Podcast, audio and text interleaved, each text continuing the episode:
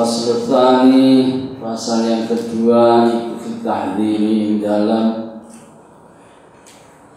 Peringatan Memberikan kewaspadaan Min hawa nafsi dari ajakan nafsu. Pasal kedua tentang Menghindar Berlaku waspada terhadap hawa nafsu فإن أمارتي بالسوء ما تعرف من جهلها بنذير الشيب فإن أمارتي monggo sak temene nafsu sing ngajak-ajak bisu iklawan elek Fa inna ammarati mangkote nafsuku sing ngajak-ajak bisui kelawan sing elek.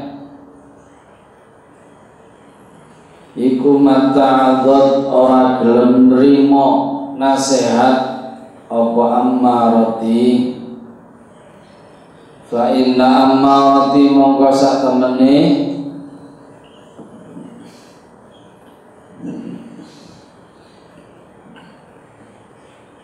nafsuku sing ngajak-ajak bisu iklan perkara elek iku mata'adzat ora gelem.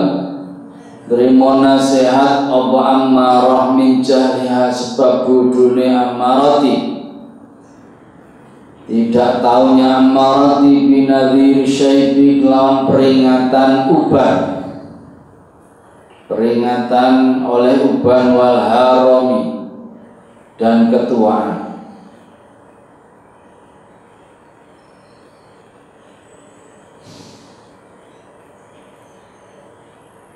Sungguh sebab kebodohannya nafsu amarahku tidak mau menerima peringatan ubat dan ketuaan. Sungguh sebab kebodohannya nafsu amarahku nafsu yang mengajak kepada kejelekan tidak mau menerima peringatan ubat dan ketuaan. Saudara-saudara sudah kita membahas sequel pertama, bagian pertama dari Burda tentang tentang apa kemarin? Kalau istilahnya Arul itu bucin kan, bucin, bucin ya Pak.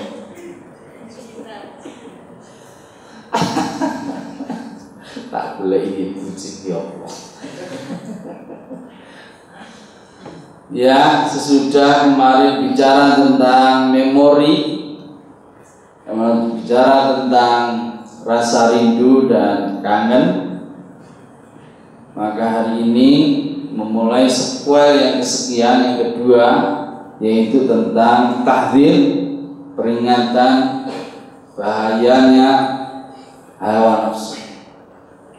Ya, jadi burdah ini ada berapa tema ada beberapa bab pasal ada Isra Mi'raj, ada mukjizat, ada kelahirannya kandang Nabi, ada munajat ya. Ini yang kedua ini tentang menghindar dari hawa. Jadi seperti film ya, kosidah, kosidah itu rangkaian syair-syair itu dibagi dari beberapa bagian Ya, ini seperti film, itu ada masanya di sekolah, terus masanya di lapangan, wono ning Malioboro, nah, sequel sebanyak begitu. Ini yang kedua tentang peringatan bahaya dari hawa nafsu. Sesudah Musonef menyatakan keengganan menerima nasihat dan peringatan dari ubat ternyata penyair menyadari kesalahannya. Dari mana kita tahu bahwa penyair menyadari kesalahannya? Dari beliau menganggap bodoh apa yang dilakukan oleh hawa nafsunya. Min jahliya. Jadi dia sudah mencela dirinya sendiri. Ya, berarti dia sudah menyadari kesalahannya, menyadari kekurangannya. Hmm, bagaimana mungkin dia menolak nasihat dari hawa dari uban, dari uban yang ada di kepalanya. Padahal ini sesuatu yang jujur, sesuatu yang mengingatkan kita dan dia tulus mahattanin nusha dan seterusnya kemarin. Jadi dia menyebut apa yang ada dalam dirinya awal nafsunya itu sebagai sesuatu yang bodoh karena melalaikan atau mencueki peringatan dari ubah. Saya apa yang disebut dengan nafsu, ya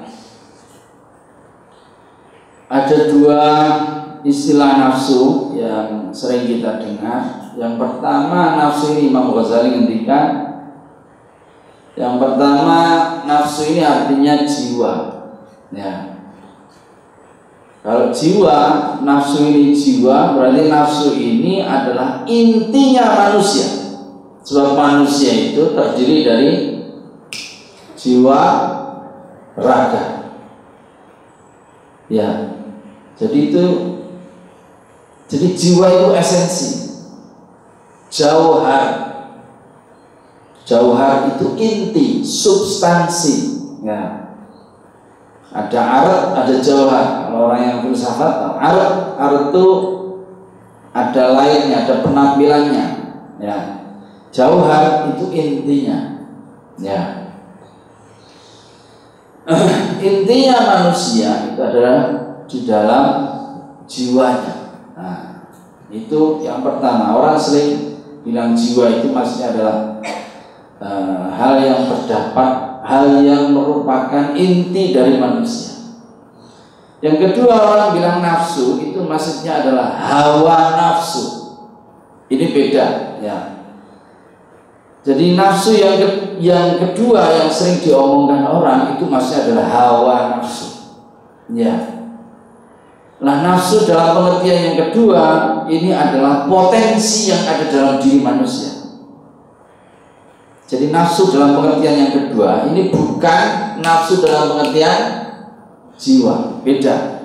Jadi nafsu di sini artinya potensi. Potensi yang ada dalam diri manusia dan itu potensi yang mengajak kita untuk makan, bilang lapar, bilang pengen bekerja, pengen bergerak, pengen melihat, pengen ini potensi nafsu dan inilah e, kita ini yang membedakan kita dengan malaikat. Malaikat gak punya nafsu, ya. Malaikat gak punya nafsu. Nah, kita ini ada nafsu. Ya, melana itu on nafsu sehingga nah itulah terjadi pergumulan di sini. Itulah menariknya manusia.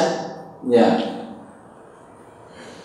Jadi semua orang punya semua orang punya potensi nafsu. Semua seperti hewan. Kita ini seperti hewan karena kita ini hayawanun natiqun. Ya. Kita ini hewan tapi artinya kita sama-sama dia ini punya nafsu tetapi yang membedakan kita dengan dia adalah kita ini punya diberi potensi oleh Allah yaitu akal itu yang membedakan kita dengan makhluk hidup yang lain.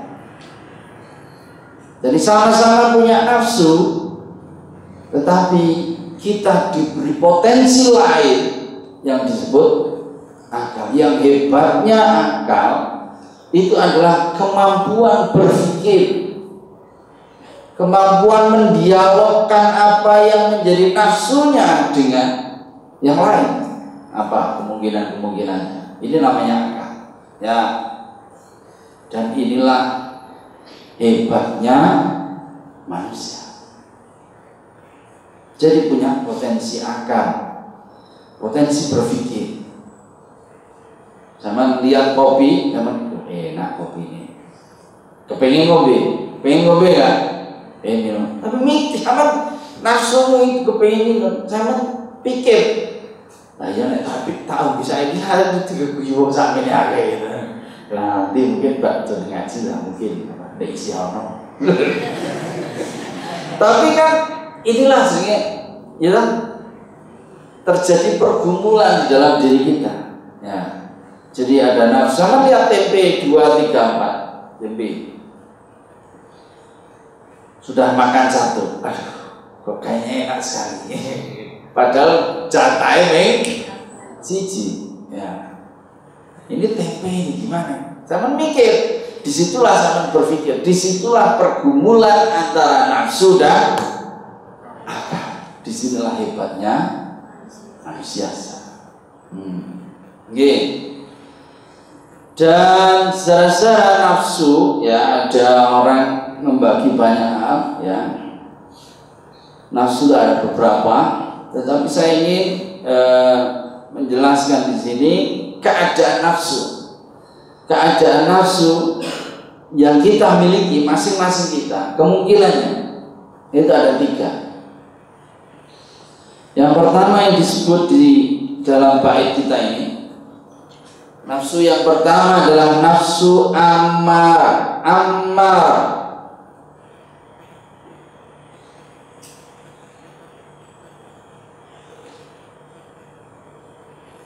Nafsu amarah bisu. Amarah Mubalaghah dari amir Yang memerintah, mengajak Menginstruksikan. Jadi nafsu Yang mengajak kita selalu berbuat buruk. Amarah bisu Ya. Nafsu amarah bisu Yang mengajak manusia pada hal-hal yang buruk. Hal-hal yang rendah, hal-hal yang tidak mutu.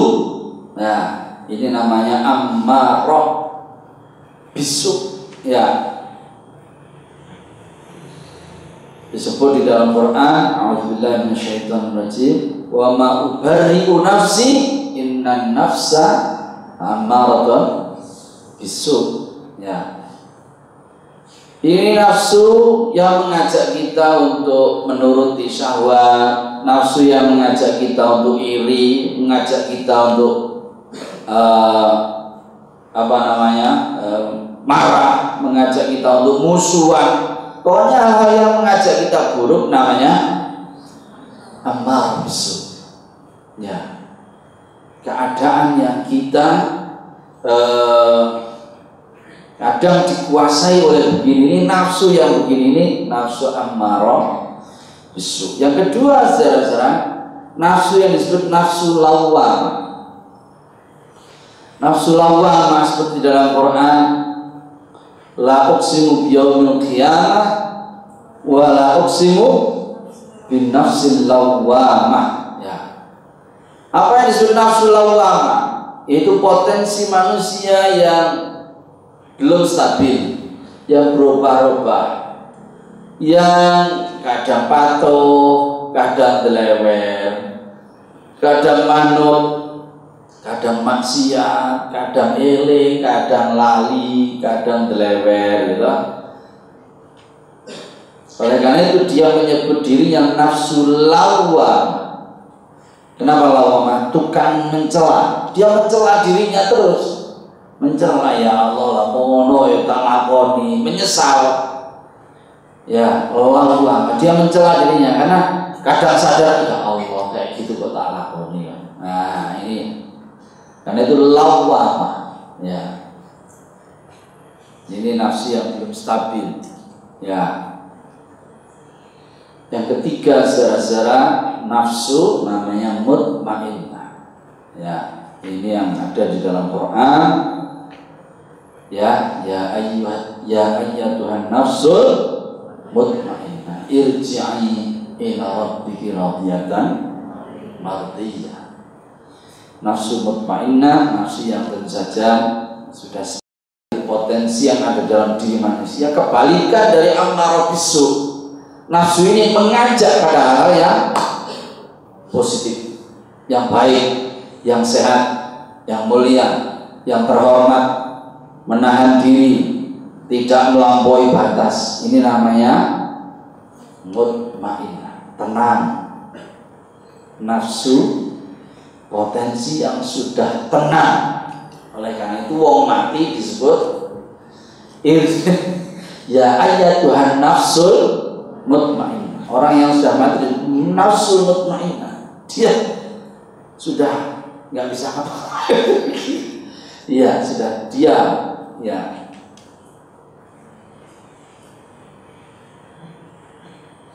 Inilah saudara-saudara eh, tiga keadaan nafsu yang kita semua kita semua itu barangkali adalah dalam ketiga ketika nafsu.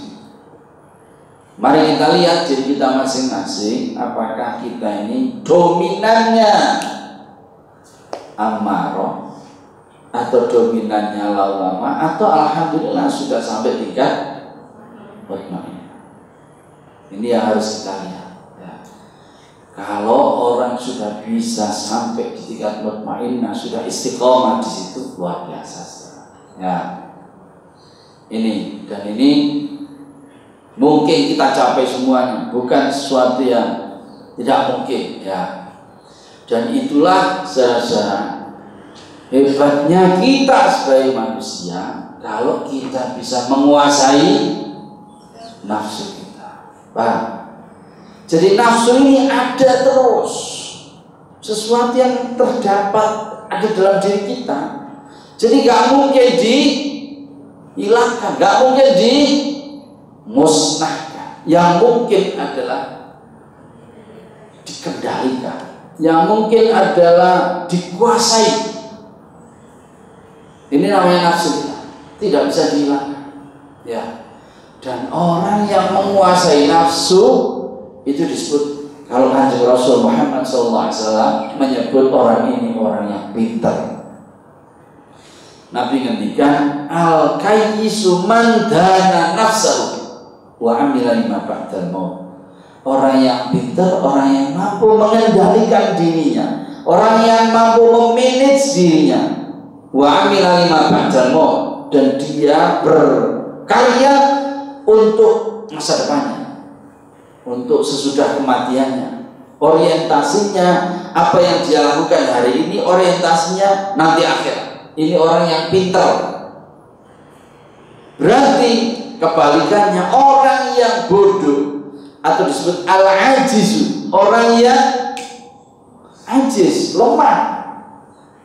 Orang yang lemah al-ajiz man atba'a. Orang yang nuruti hawa nafsunya. Man atba'a nafsahu hawaha wa tamanni apa? Wa tamanna 'ala Allah al-amaliyah dan orang itu berangan-angan terus ah paling gue Gusti Allah ngapura aku ah paling gue Gusti Allah ngapura aku eh wong sing lemah sebenarnya ini jadi Kanjeng Rasul menyebut orang yang mampu mengendalikan dirinya sebagai orang yang pintar. Imam Ghazali menyebut orang begini orang yang bahagia.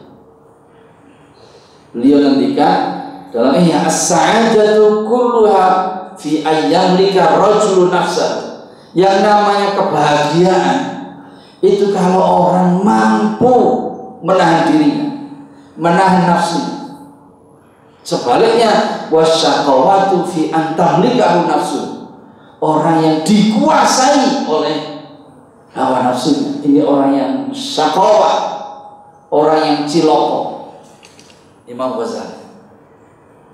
Oleh karena itu sekarang Kanjeng Rasul Muhammad Shallallahu Alaihi Wasallam menyebut yang namanya perang besar itu bukan perang melawan musuh yang nyata, tetapi perang melawan hawa nafsu dirinya dan itu bukan satu dua tahun sekali. Dan itu adalah setiap hari setiap kali. Ya. Jadi para sahabat merasa gembira bereuforia habis menang dari perang Badar eh Nabi bilang itu apa-apa nih. Kalau perang sing gede oh perang melawan hawa nafsu. Ya Jadi hawa nafsu ini sesuatu yang yang ada terus dalam diri kita. Yang kita harus lakukan adalah ngerem hawa nafsu menahan hawa nafsu supaya yang menang adalah akal kita, kemanusiaan kita, bukan kehewanan kita. Ini yang betul. Ya. Sebab kalau yang menang itu adalah kemanusiaan kita, maka kita lebih hebat dari malaikat. Ya? Kenapa manusia lebih hebat dari malaikat? Malaikat kayak mesin, kayak apa? Hah? Kayak robot, ya. Jadi otomatis gitu. Ayo tahlil, tahlil. Eh tasbih, tasbih. Orang mengo mengo, orang aneh menungso antik ya pol. Eh ngaji, ngaji. Ono banggulo tuku banggulo disi. Ono es krim sih tak tuku es krim disi. Ya guru dia teko dari guru dia teko. Ini mendos-mendos. Ini jadi menungso antik gitu ya. Ada sesuatu yang diingat tapi uh ada serba-serbinya. Ada warna-warninya ya lagi. Luar biasa. Sebaliknya, kalau manusia kalah dengan hawa nafsu, dia justru dikuasai oleh nafsunya, dia bisa lebih buruk dari binatang. Jadi kita ini sesama hewan, sesama makhluk hidup sesungguhnya setara. Ya? Tetapi saat hawa nafsu itu menguasai kita, kita justru lebih buruk dari hewan. Perhatikan, ini serius. Mari kita lihat manusia kita ini, kita diri kita ini luar biasa. Jeleknya kita. Kita lihat sama lihat nggak National Geographic itu apa e, singa menerkam apa macan makan apa hiu makan apa ya singa makan kijang makan ya sudah kalau sudah dapat satu sudah dua hari tiga hari dia nggak nggak mangan nih, nih, pangan nih, nih. Itu kalau singa. Hiu juga gitu, paus juga gitu. Sudah makan karo es. Mau, ono, lu baru ya sekarang itu, eh, ono lo ya, ah sepok, warak. Ini kalau hewan teman kita juga makhluk hidup. Tapi dengan manusia luar biasa. Dia tidak cukup dengan kita satu ya. Dia tidak cukup berasnya sekilo dia perlu berasnya itu tiga ton. Padahal butuhnya berapa kilo? Nah itu untuk berapa pekan? Gitu. dia nggak mau dia sebenarnya cukup sawah itu cukup. Satu dua petak cukup. Tapi dia nggak mau. Dia bukan hanya khawatir terhadap dirinya dia khawatir terhadap anaknya dia khawatir terhadap cucunya dia dan selesai dan selesai. Luar biasa gitu sudah cukup mamanya punya sepatu sepatu apa sih? Sepatu apa sih apa nikel mana nikel. Adidas ya. sudah. Itu ada gaya baru lagi. Apa? Model baru. Ah ini lah. Ojo model ya, gue yang mampu. ya, menungso. Ya, ya kan? ini mohon maaf. Ya kalau sudah begini ini manusia dikuasai oleh nafsu paham ya inilah bedanya kita dengan sesama makhluk hidup. Kita ini lebih parah. Ya. So kadang yang kita makan itu bukan sekedar nasi. Kalau singa kalau ini makannya dia lah makannya itu daging. Sudah kalau kita bukan hanya nasi yang kita makan itu ya aspal, kadang ya beton, kadang ya minyak. Ya Allah. Kadang bahkan ya kita makan racun kadang kita makan. Sehingga gara-gara kita tidak amanah itu bumi itu menjadi ambiar cari nih sob iya biji kempot jadinya ambiar karena apa kita nggak melihat ini sebagai sebuah keharmonisan alam kita membuang sampah seenaknya tidak mikir menjadikan aliran sungai sebagai tempat pembuangan. Nah, gimana? Tidak mikir kita tidak tidak berpikir. Kita maunya itu hanya nafsunya ya buang-buang saja. Salah. Ya. Inilah yang harus kita lihat ya dalam diri kita apa yang menjadi peringatan dari Imam Busiri hari ini terkait dengan penguasaan nafsu ini penting sekali. Sebab seperti katakan Rasul, seperti Imam Ghazali, orang yang mampu menguasai diri, orang yang bahagia atau orang yang cerdas. Berarti sebaliknya orang yang dikuasai dirinya itu dikuasai oleh nafsunya. Kenapa? Karena nafsu itu bagian, tuh bagian dari dirinya. Mestinya dia ini bisa bisa menguasai tool ini buka waktunya mohon maaf hari ini kita lihat semua orang punya handphone dan semua semua orang senang dengan WA ya Opo-opo dibuka, opo-opo dibuka, serius dibuka, serius ya Allah. Maaf itu ya Allah, siji. ya itu pakai boleh lah Facebook lah, apa sih? Instagram lah, enggak apa-apa, lu dibuka, semua dibuka. Ini kan bukannya itu menghilangkan kita daya cerdas kita, karena kita dikuasai. Ini. Boleh, punya itu boleh, sama dengan punya sepatu boleh, punya sepeda motor boleh. Tapi jangan sampai itu tuh menguasai kita, kita lah yang menguasai dia. Ini namanya orang yang beda. Mari kita lihat ini. Nah, mari kita lihat. Ya. Wala a'adat minal fi'lil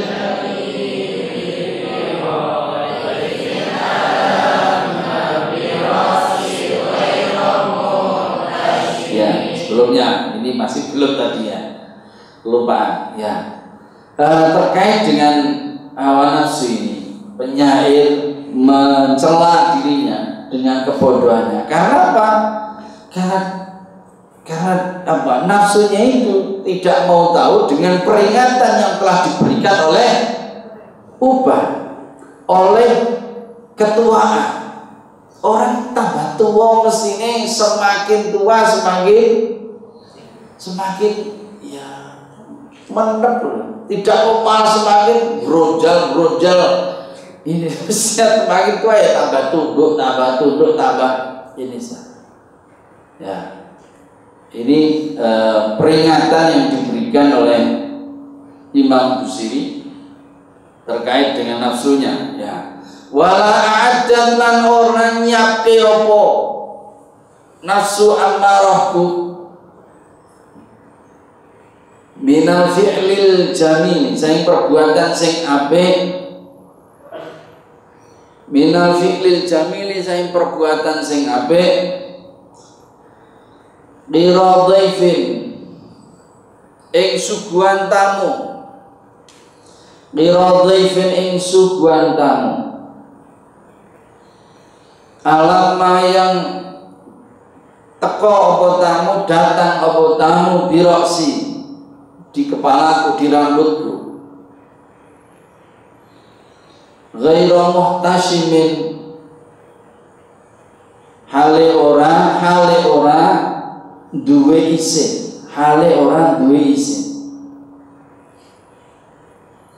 Wala a'addan lan ora nyiapke apa nafsu minal fi'li saking perbuatan al jamili kan ape iradhifin ing suguhan tamu alama yang alam yang ada datang berdiam. Apa tamu birosi di kepalaku? Ghairu muhtasimin hale ora duwe nafsuku juga tidak menyiapkan diri dengan baik. Guna menyambut dan menjamu tamu yang ada di kepalaku tanpa rasa malu ya yang pertama saudara-saudara Imam Busiri mencela nafsunya Kenapa? Apa yang dicela dari nafsunya? Yang dicela Imam Busiri yang pertama adalah nafsunya itu tidak mau tahu, tidak mau mendengarkan nasihat, tidak mau menerima peringatan dari ubah. Ya, artinya yang pertama nafsunya itu nafsu yang apa namanya cuek, tidak mau menerima peringatan. Ya. Yang kedua saudara, yang ada dalam ini, penyair menganggap buruk nafsunya. Karena? Karena dia tidak menyiapkan dirinya dengan perbuatan yang baik. Perbuatan yang baik, perbuatan yang sesuai dengan syariat, perbuatan yang memberikan menambah kualitas. Ini namanya fi'il jamil. Saudara-saudara, tadi eh, pada sebelumnya Imam Busiri menyebut uban. Nah sekarang beliau menyatakan uban itu dengan kata dengan sebutan dengan istilah tamu. Nah,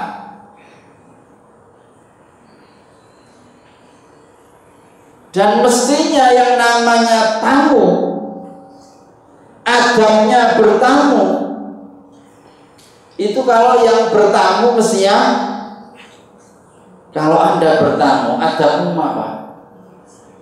Hah? Bertamu Anda yang menjadi tamu, ada apa? Kalau Anda jadi tamu, Anda mesti ngapain? Kalau Anda bertamu, jangan lama-lama. Bertamu itu sebentar, sebentar, dah, dah, dah, Itu namanya adab apa sih dadi kepentingan wes wes mulia kok jangan dok ngono. Ya lah, nek Anda bertamu, Anda mestinya cepat pulang. Kalau sudah sama dengan kalau ubah itu dianggap sebagai tamu, tandanya apa? Wong sing wis ana ubane mestine sing luwih cepet mati nih gitu loh wong sing wis cepet ubah hoi mesti ini sebagai tamu ubah itu tidak berlama-lama di kepala. Mestinya dia memberi tanda nek jadi tamu sing cepet ya mesti ini orang kuyo cepet. Orang bisa nyuk ojo suwe-suwe maksudnya berubah ya Iku wong ki wis meh cepet mati Artinya wong wis ngono kuwi kudu ngrasa, ya. Ngrasa nek dekne wis tuwa. Nek wis tuwa mestine dekne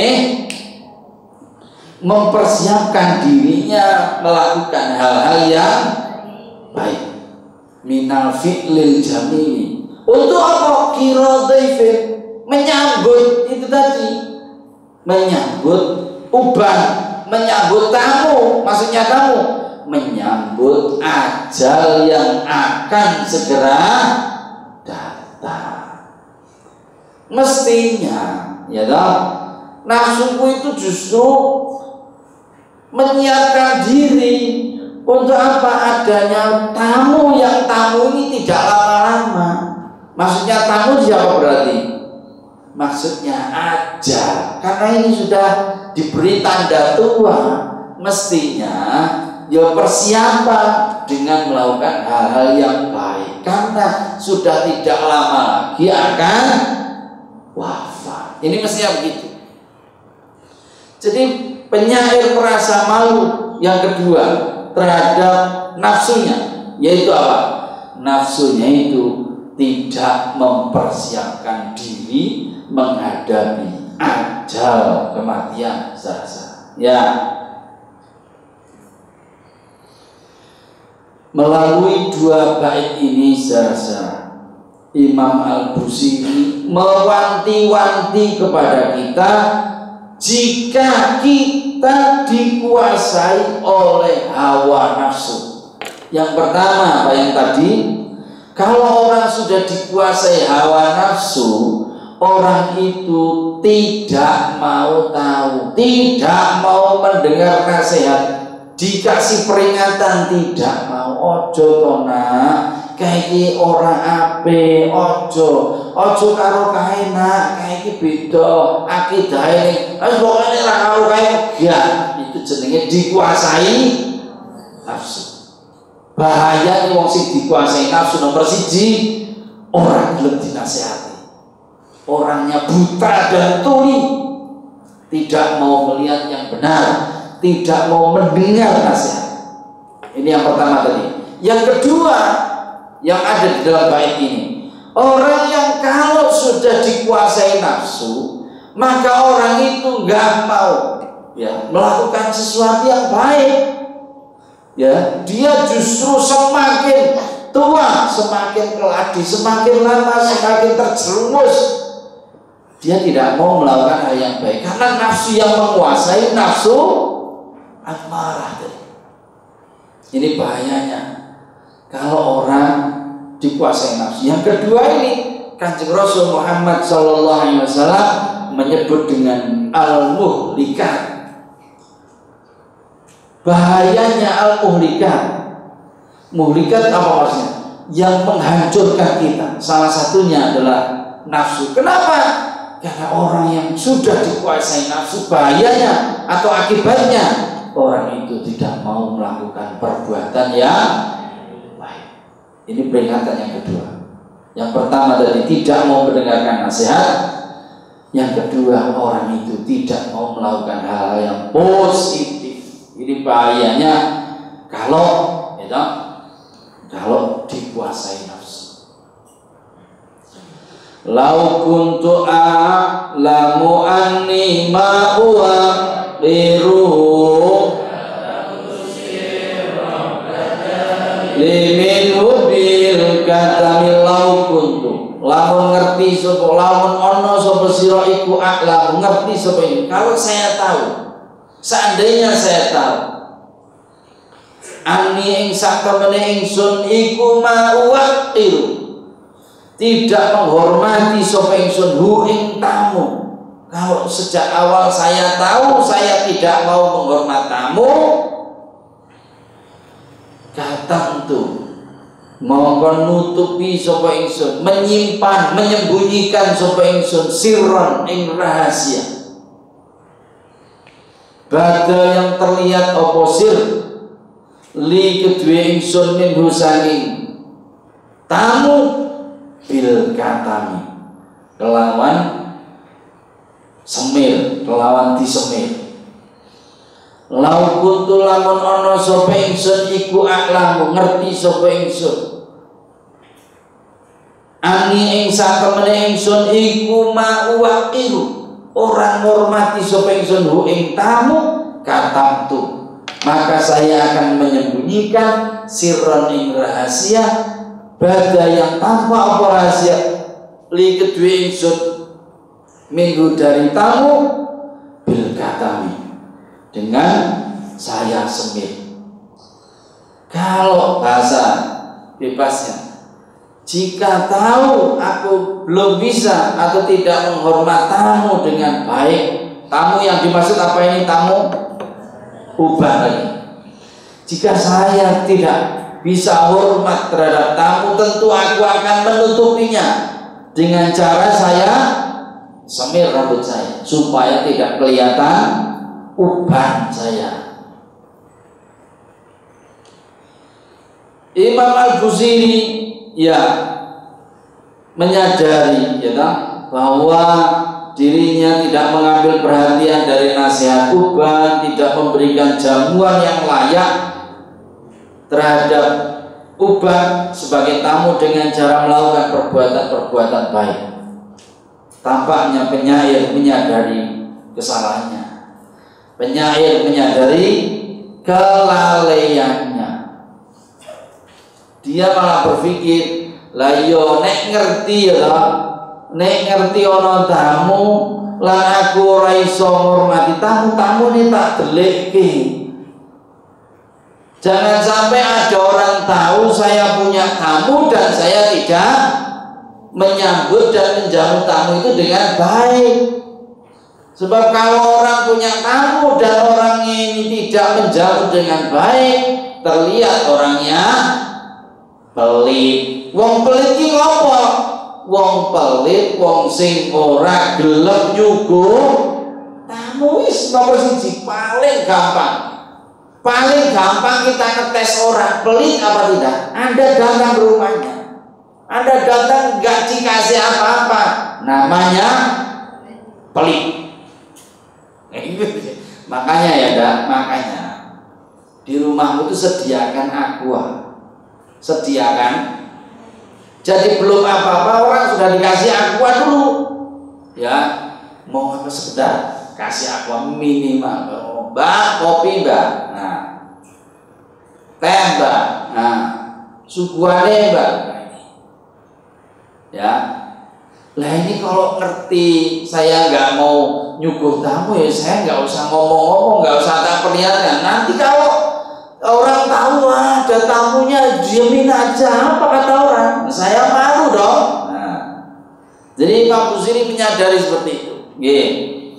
Secara bait ini ya memberikan pengertian kepada kita ya tentang bagaimana kita menyikapi tamu dalam pengertian kita menyikapi apa namanya ketua. Jadi ini awal dhewe wis tuwa tambah tuwa mestine tambah manut, tambah taat, ora tambah wani, tambah lewel, tambah nentang sama dengan saudara-saudara. Tuwae ojo mung delok umure tok. Telo tuwa ya tambah kelasnya tambah. Tambah kelasnya dadi kelas ya toh. Ya, tambah iso dadi contone bocah sing kelas siji. Dadi tak kelas telu, dadi iso nyontoni sing kelas loro, kelas siji bimbing. Orang kok dadi kelas lu malah wega apa ugal-ugal ah tukang iki kondo karo ana duite duit ku dhisik. Oh. Ya Allah. Ana sing iki ana? Ya Allah. Iya. Ini ini ya kan tua jangan diartikan usia. Tua sudah kedudukannya tua pangkatnya tua ya anunya dalam masyarakat ya strata sosial ya. Jadi semakin tua mestinya semakin bisa jadi contoh. Bisa semakin dihormati semakin wibawa. Di antaranya kalau orang itu tandanya adalah punya uban. Jadi uban itu sesuatu yang mestinya menjadi tanda kewibawaan. Loh mesti ini loh ya. Makanya gak usah disemir ben Iya. Suatu ketika kanjeng Nabi Ibrahim alaihissalam, ya, beliau ada uban. Dia tanya, ya Rob, ini apa ini? Kok ini kok rambut saya yang putih? Allah jawab, ada waqar. Oh, itu apa? Oh, itu adalah tanda kewibawaan. Gusti Allah ngendikan uban itu wakor Apa? Tanda kewibawaan, tanda kehormatan, tambah ono putih berarti tambah terhormat, tambah wibawa. Jadi kaget Nabi Ibrahim alaihissalam kemudian, ya nek kata Gusti zidni wakar, mula ditambahi ubane putih kabeh. Nabi Ibrahim alaihissalam. Kalau kanjeng Rasul Muhammad SAW menyebut uban itu sebagai cahaya, ya uban itu adalah cahaya. Kanjeng Nabi ngendikan, hmm, tidak.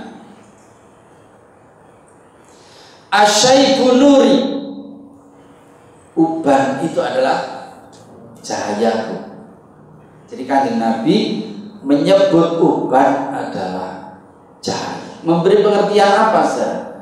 Memberi pengertian ini peringatan yang baik. Dan kalau ini peringatan yang baik mestinya tidak perlu ditutup-tutupi gitu loh. Ini kok masih banyak orang yang wah, supaya kelihatan gagah, kuali. Kalau mau gagah, ketok terhormat, ketok wibawa justru diteloke banyak putihnya. Wah, semakin wibawa gitu. Ini makanya ya, tahu. iya, ini yang sering banyak keliru loh nak. Ya. Kenapa? Kalau dengan dia berubah, itu akan mengingatkan dia terus.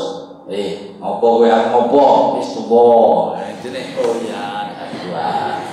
Karo pengen eh, dulu banmu kamu, ojo koyo cano wis tuwa. Ini kan dia tak bisa. Ya, jadi secara-secara eh, tiga bait ini memberikan pengertian kepada kita bagaimana Imam Busiri memberi peringatan kepada kita bahayanya hawa nafsu agar kita menjadi orang jangan sampai kita ini dikuasai hawa nafsu. Karena nafsu itu sesuatu yang internal ada dalam diri kita, ya.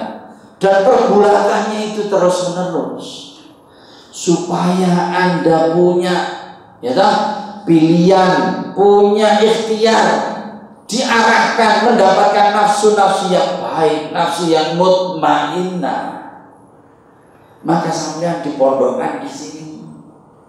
Supaya apa sampean mendapatkan teman-teman yang baik, mendapatkan bacaan-bacaan yang baik, mendapatkan guru-guru yang baik, mendapatkan lingkungan-lingkungan yang baik. Ini sah. Sebab kalau kita ini di luar ada dalam lingkungan-lingkungan yang kita belum kuat menahan diri kita dari nafsu dan justru akibatnya kita di, apa, dikuasai oleh nafsu ini bahaya. Ini. Jadi secara bersyukurlah ya Anda ada di sini dan Anda di lingkungan yang baik. Anda bersama teman-teman yang baik. Yang semoga dengan itu ya kita semua diarahkan nafsu kita ini menghindar dari amarah bisu menjadi nafsu yang mutmainnah, nafsu yang baik. Ini tentu karena ya itu tadi ada teman, ada guru, ada bacaan, ada lingkungan sehingga kita apa-apa itu uh, diingatkan, diingatkan, diingatkan. Ini saya kira secara pentingnya kita hati-hati ya, kita waspada terhadap ajakan nafsu yang ada dalam diri kita. Insya Allah besok kita lanjutkan bagaimana kita mengupayakan menahan diri dari hawa nafsu kita. Insya Allah besok kita lanjutkan. Naftatim ilhamdulillah.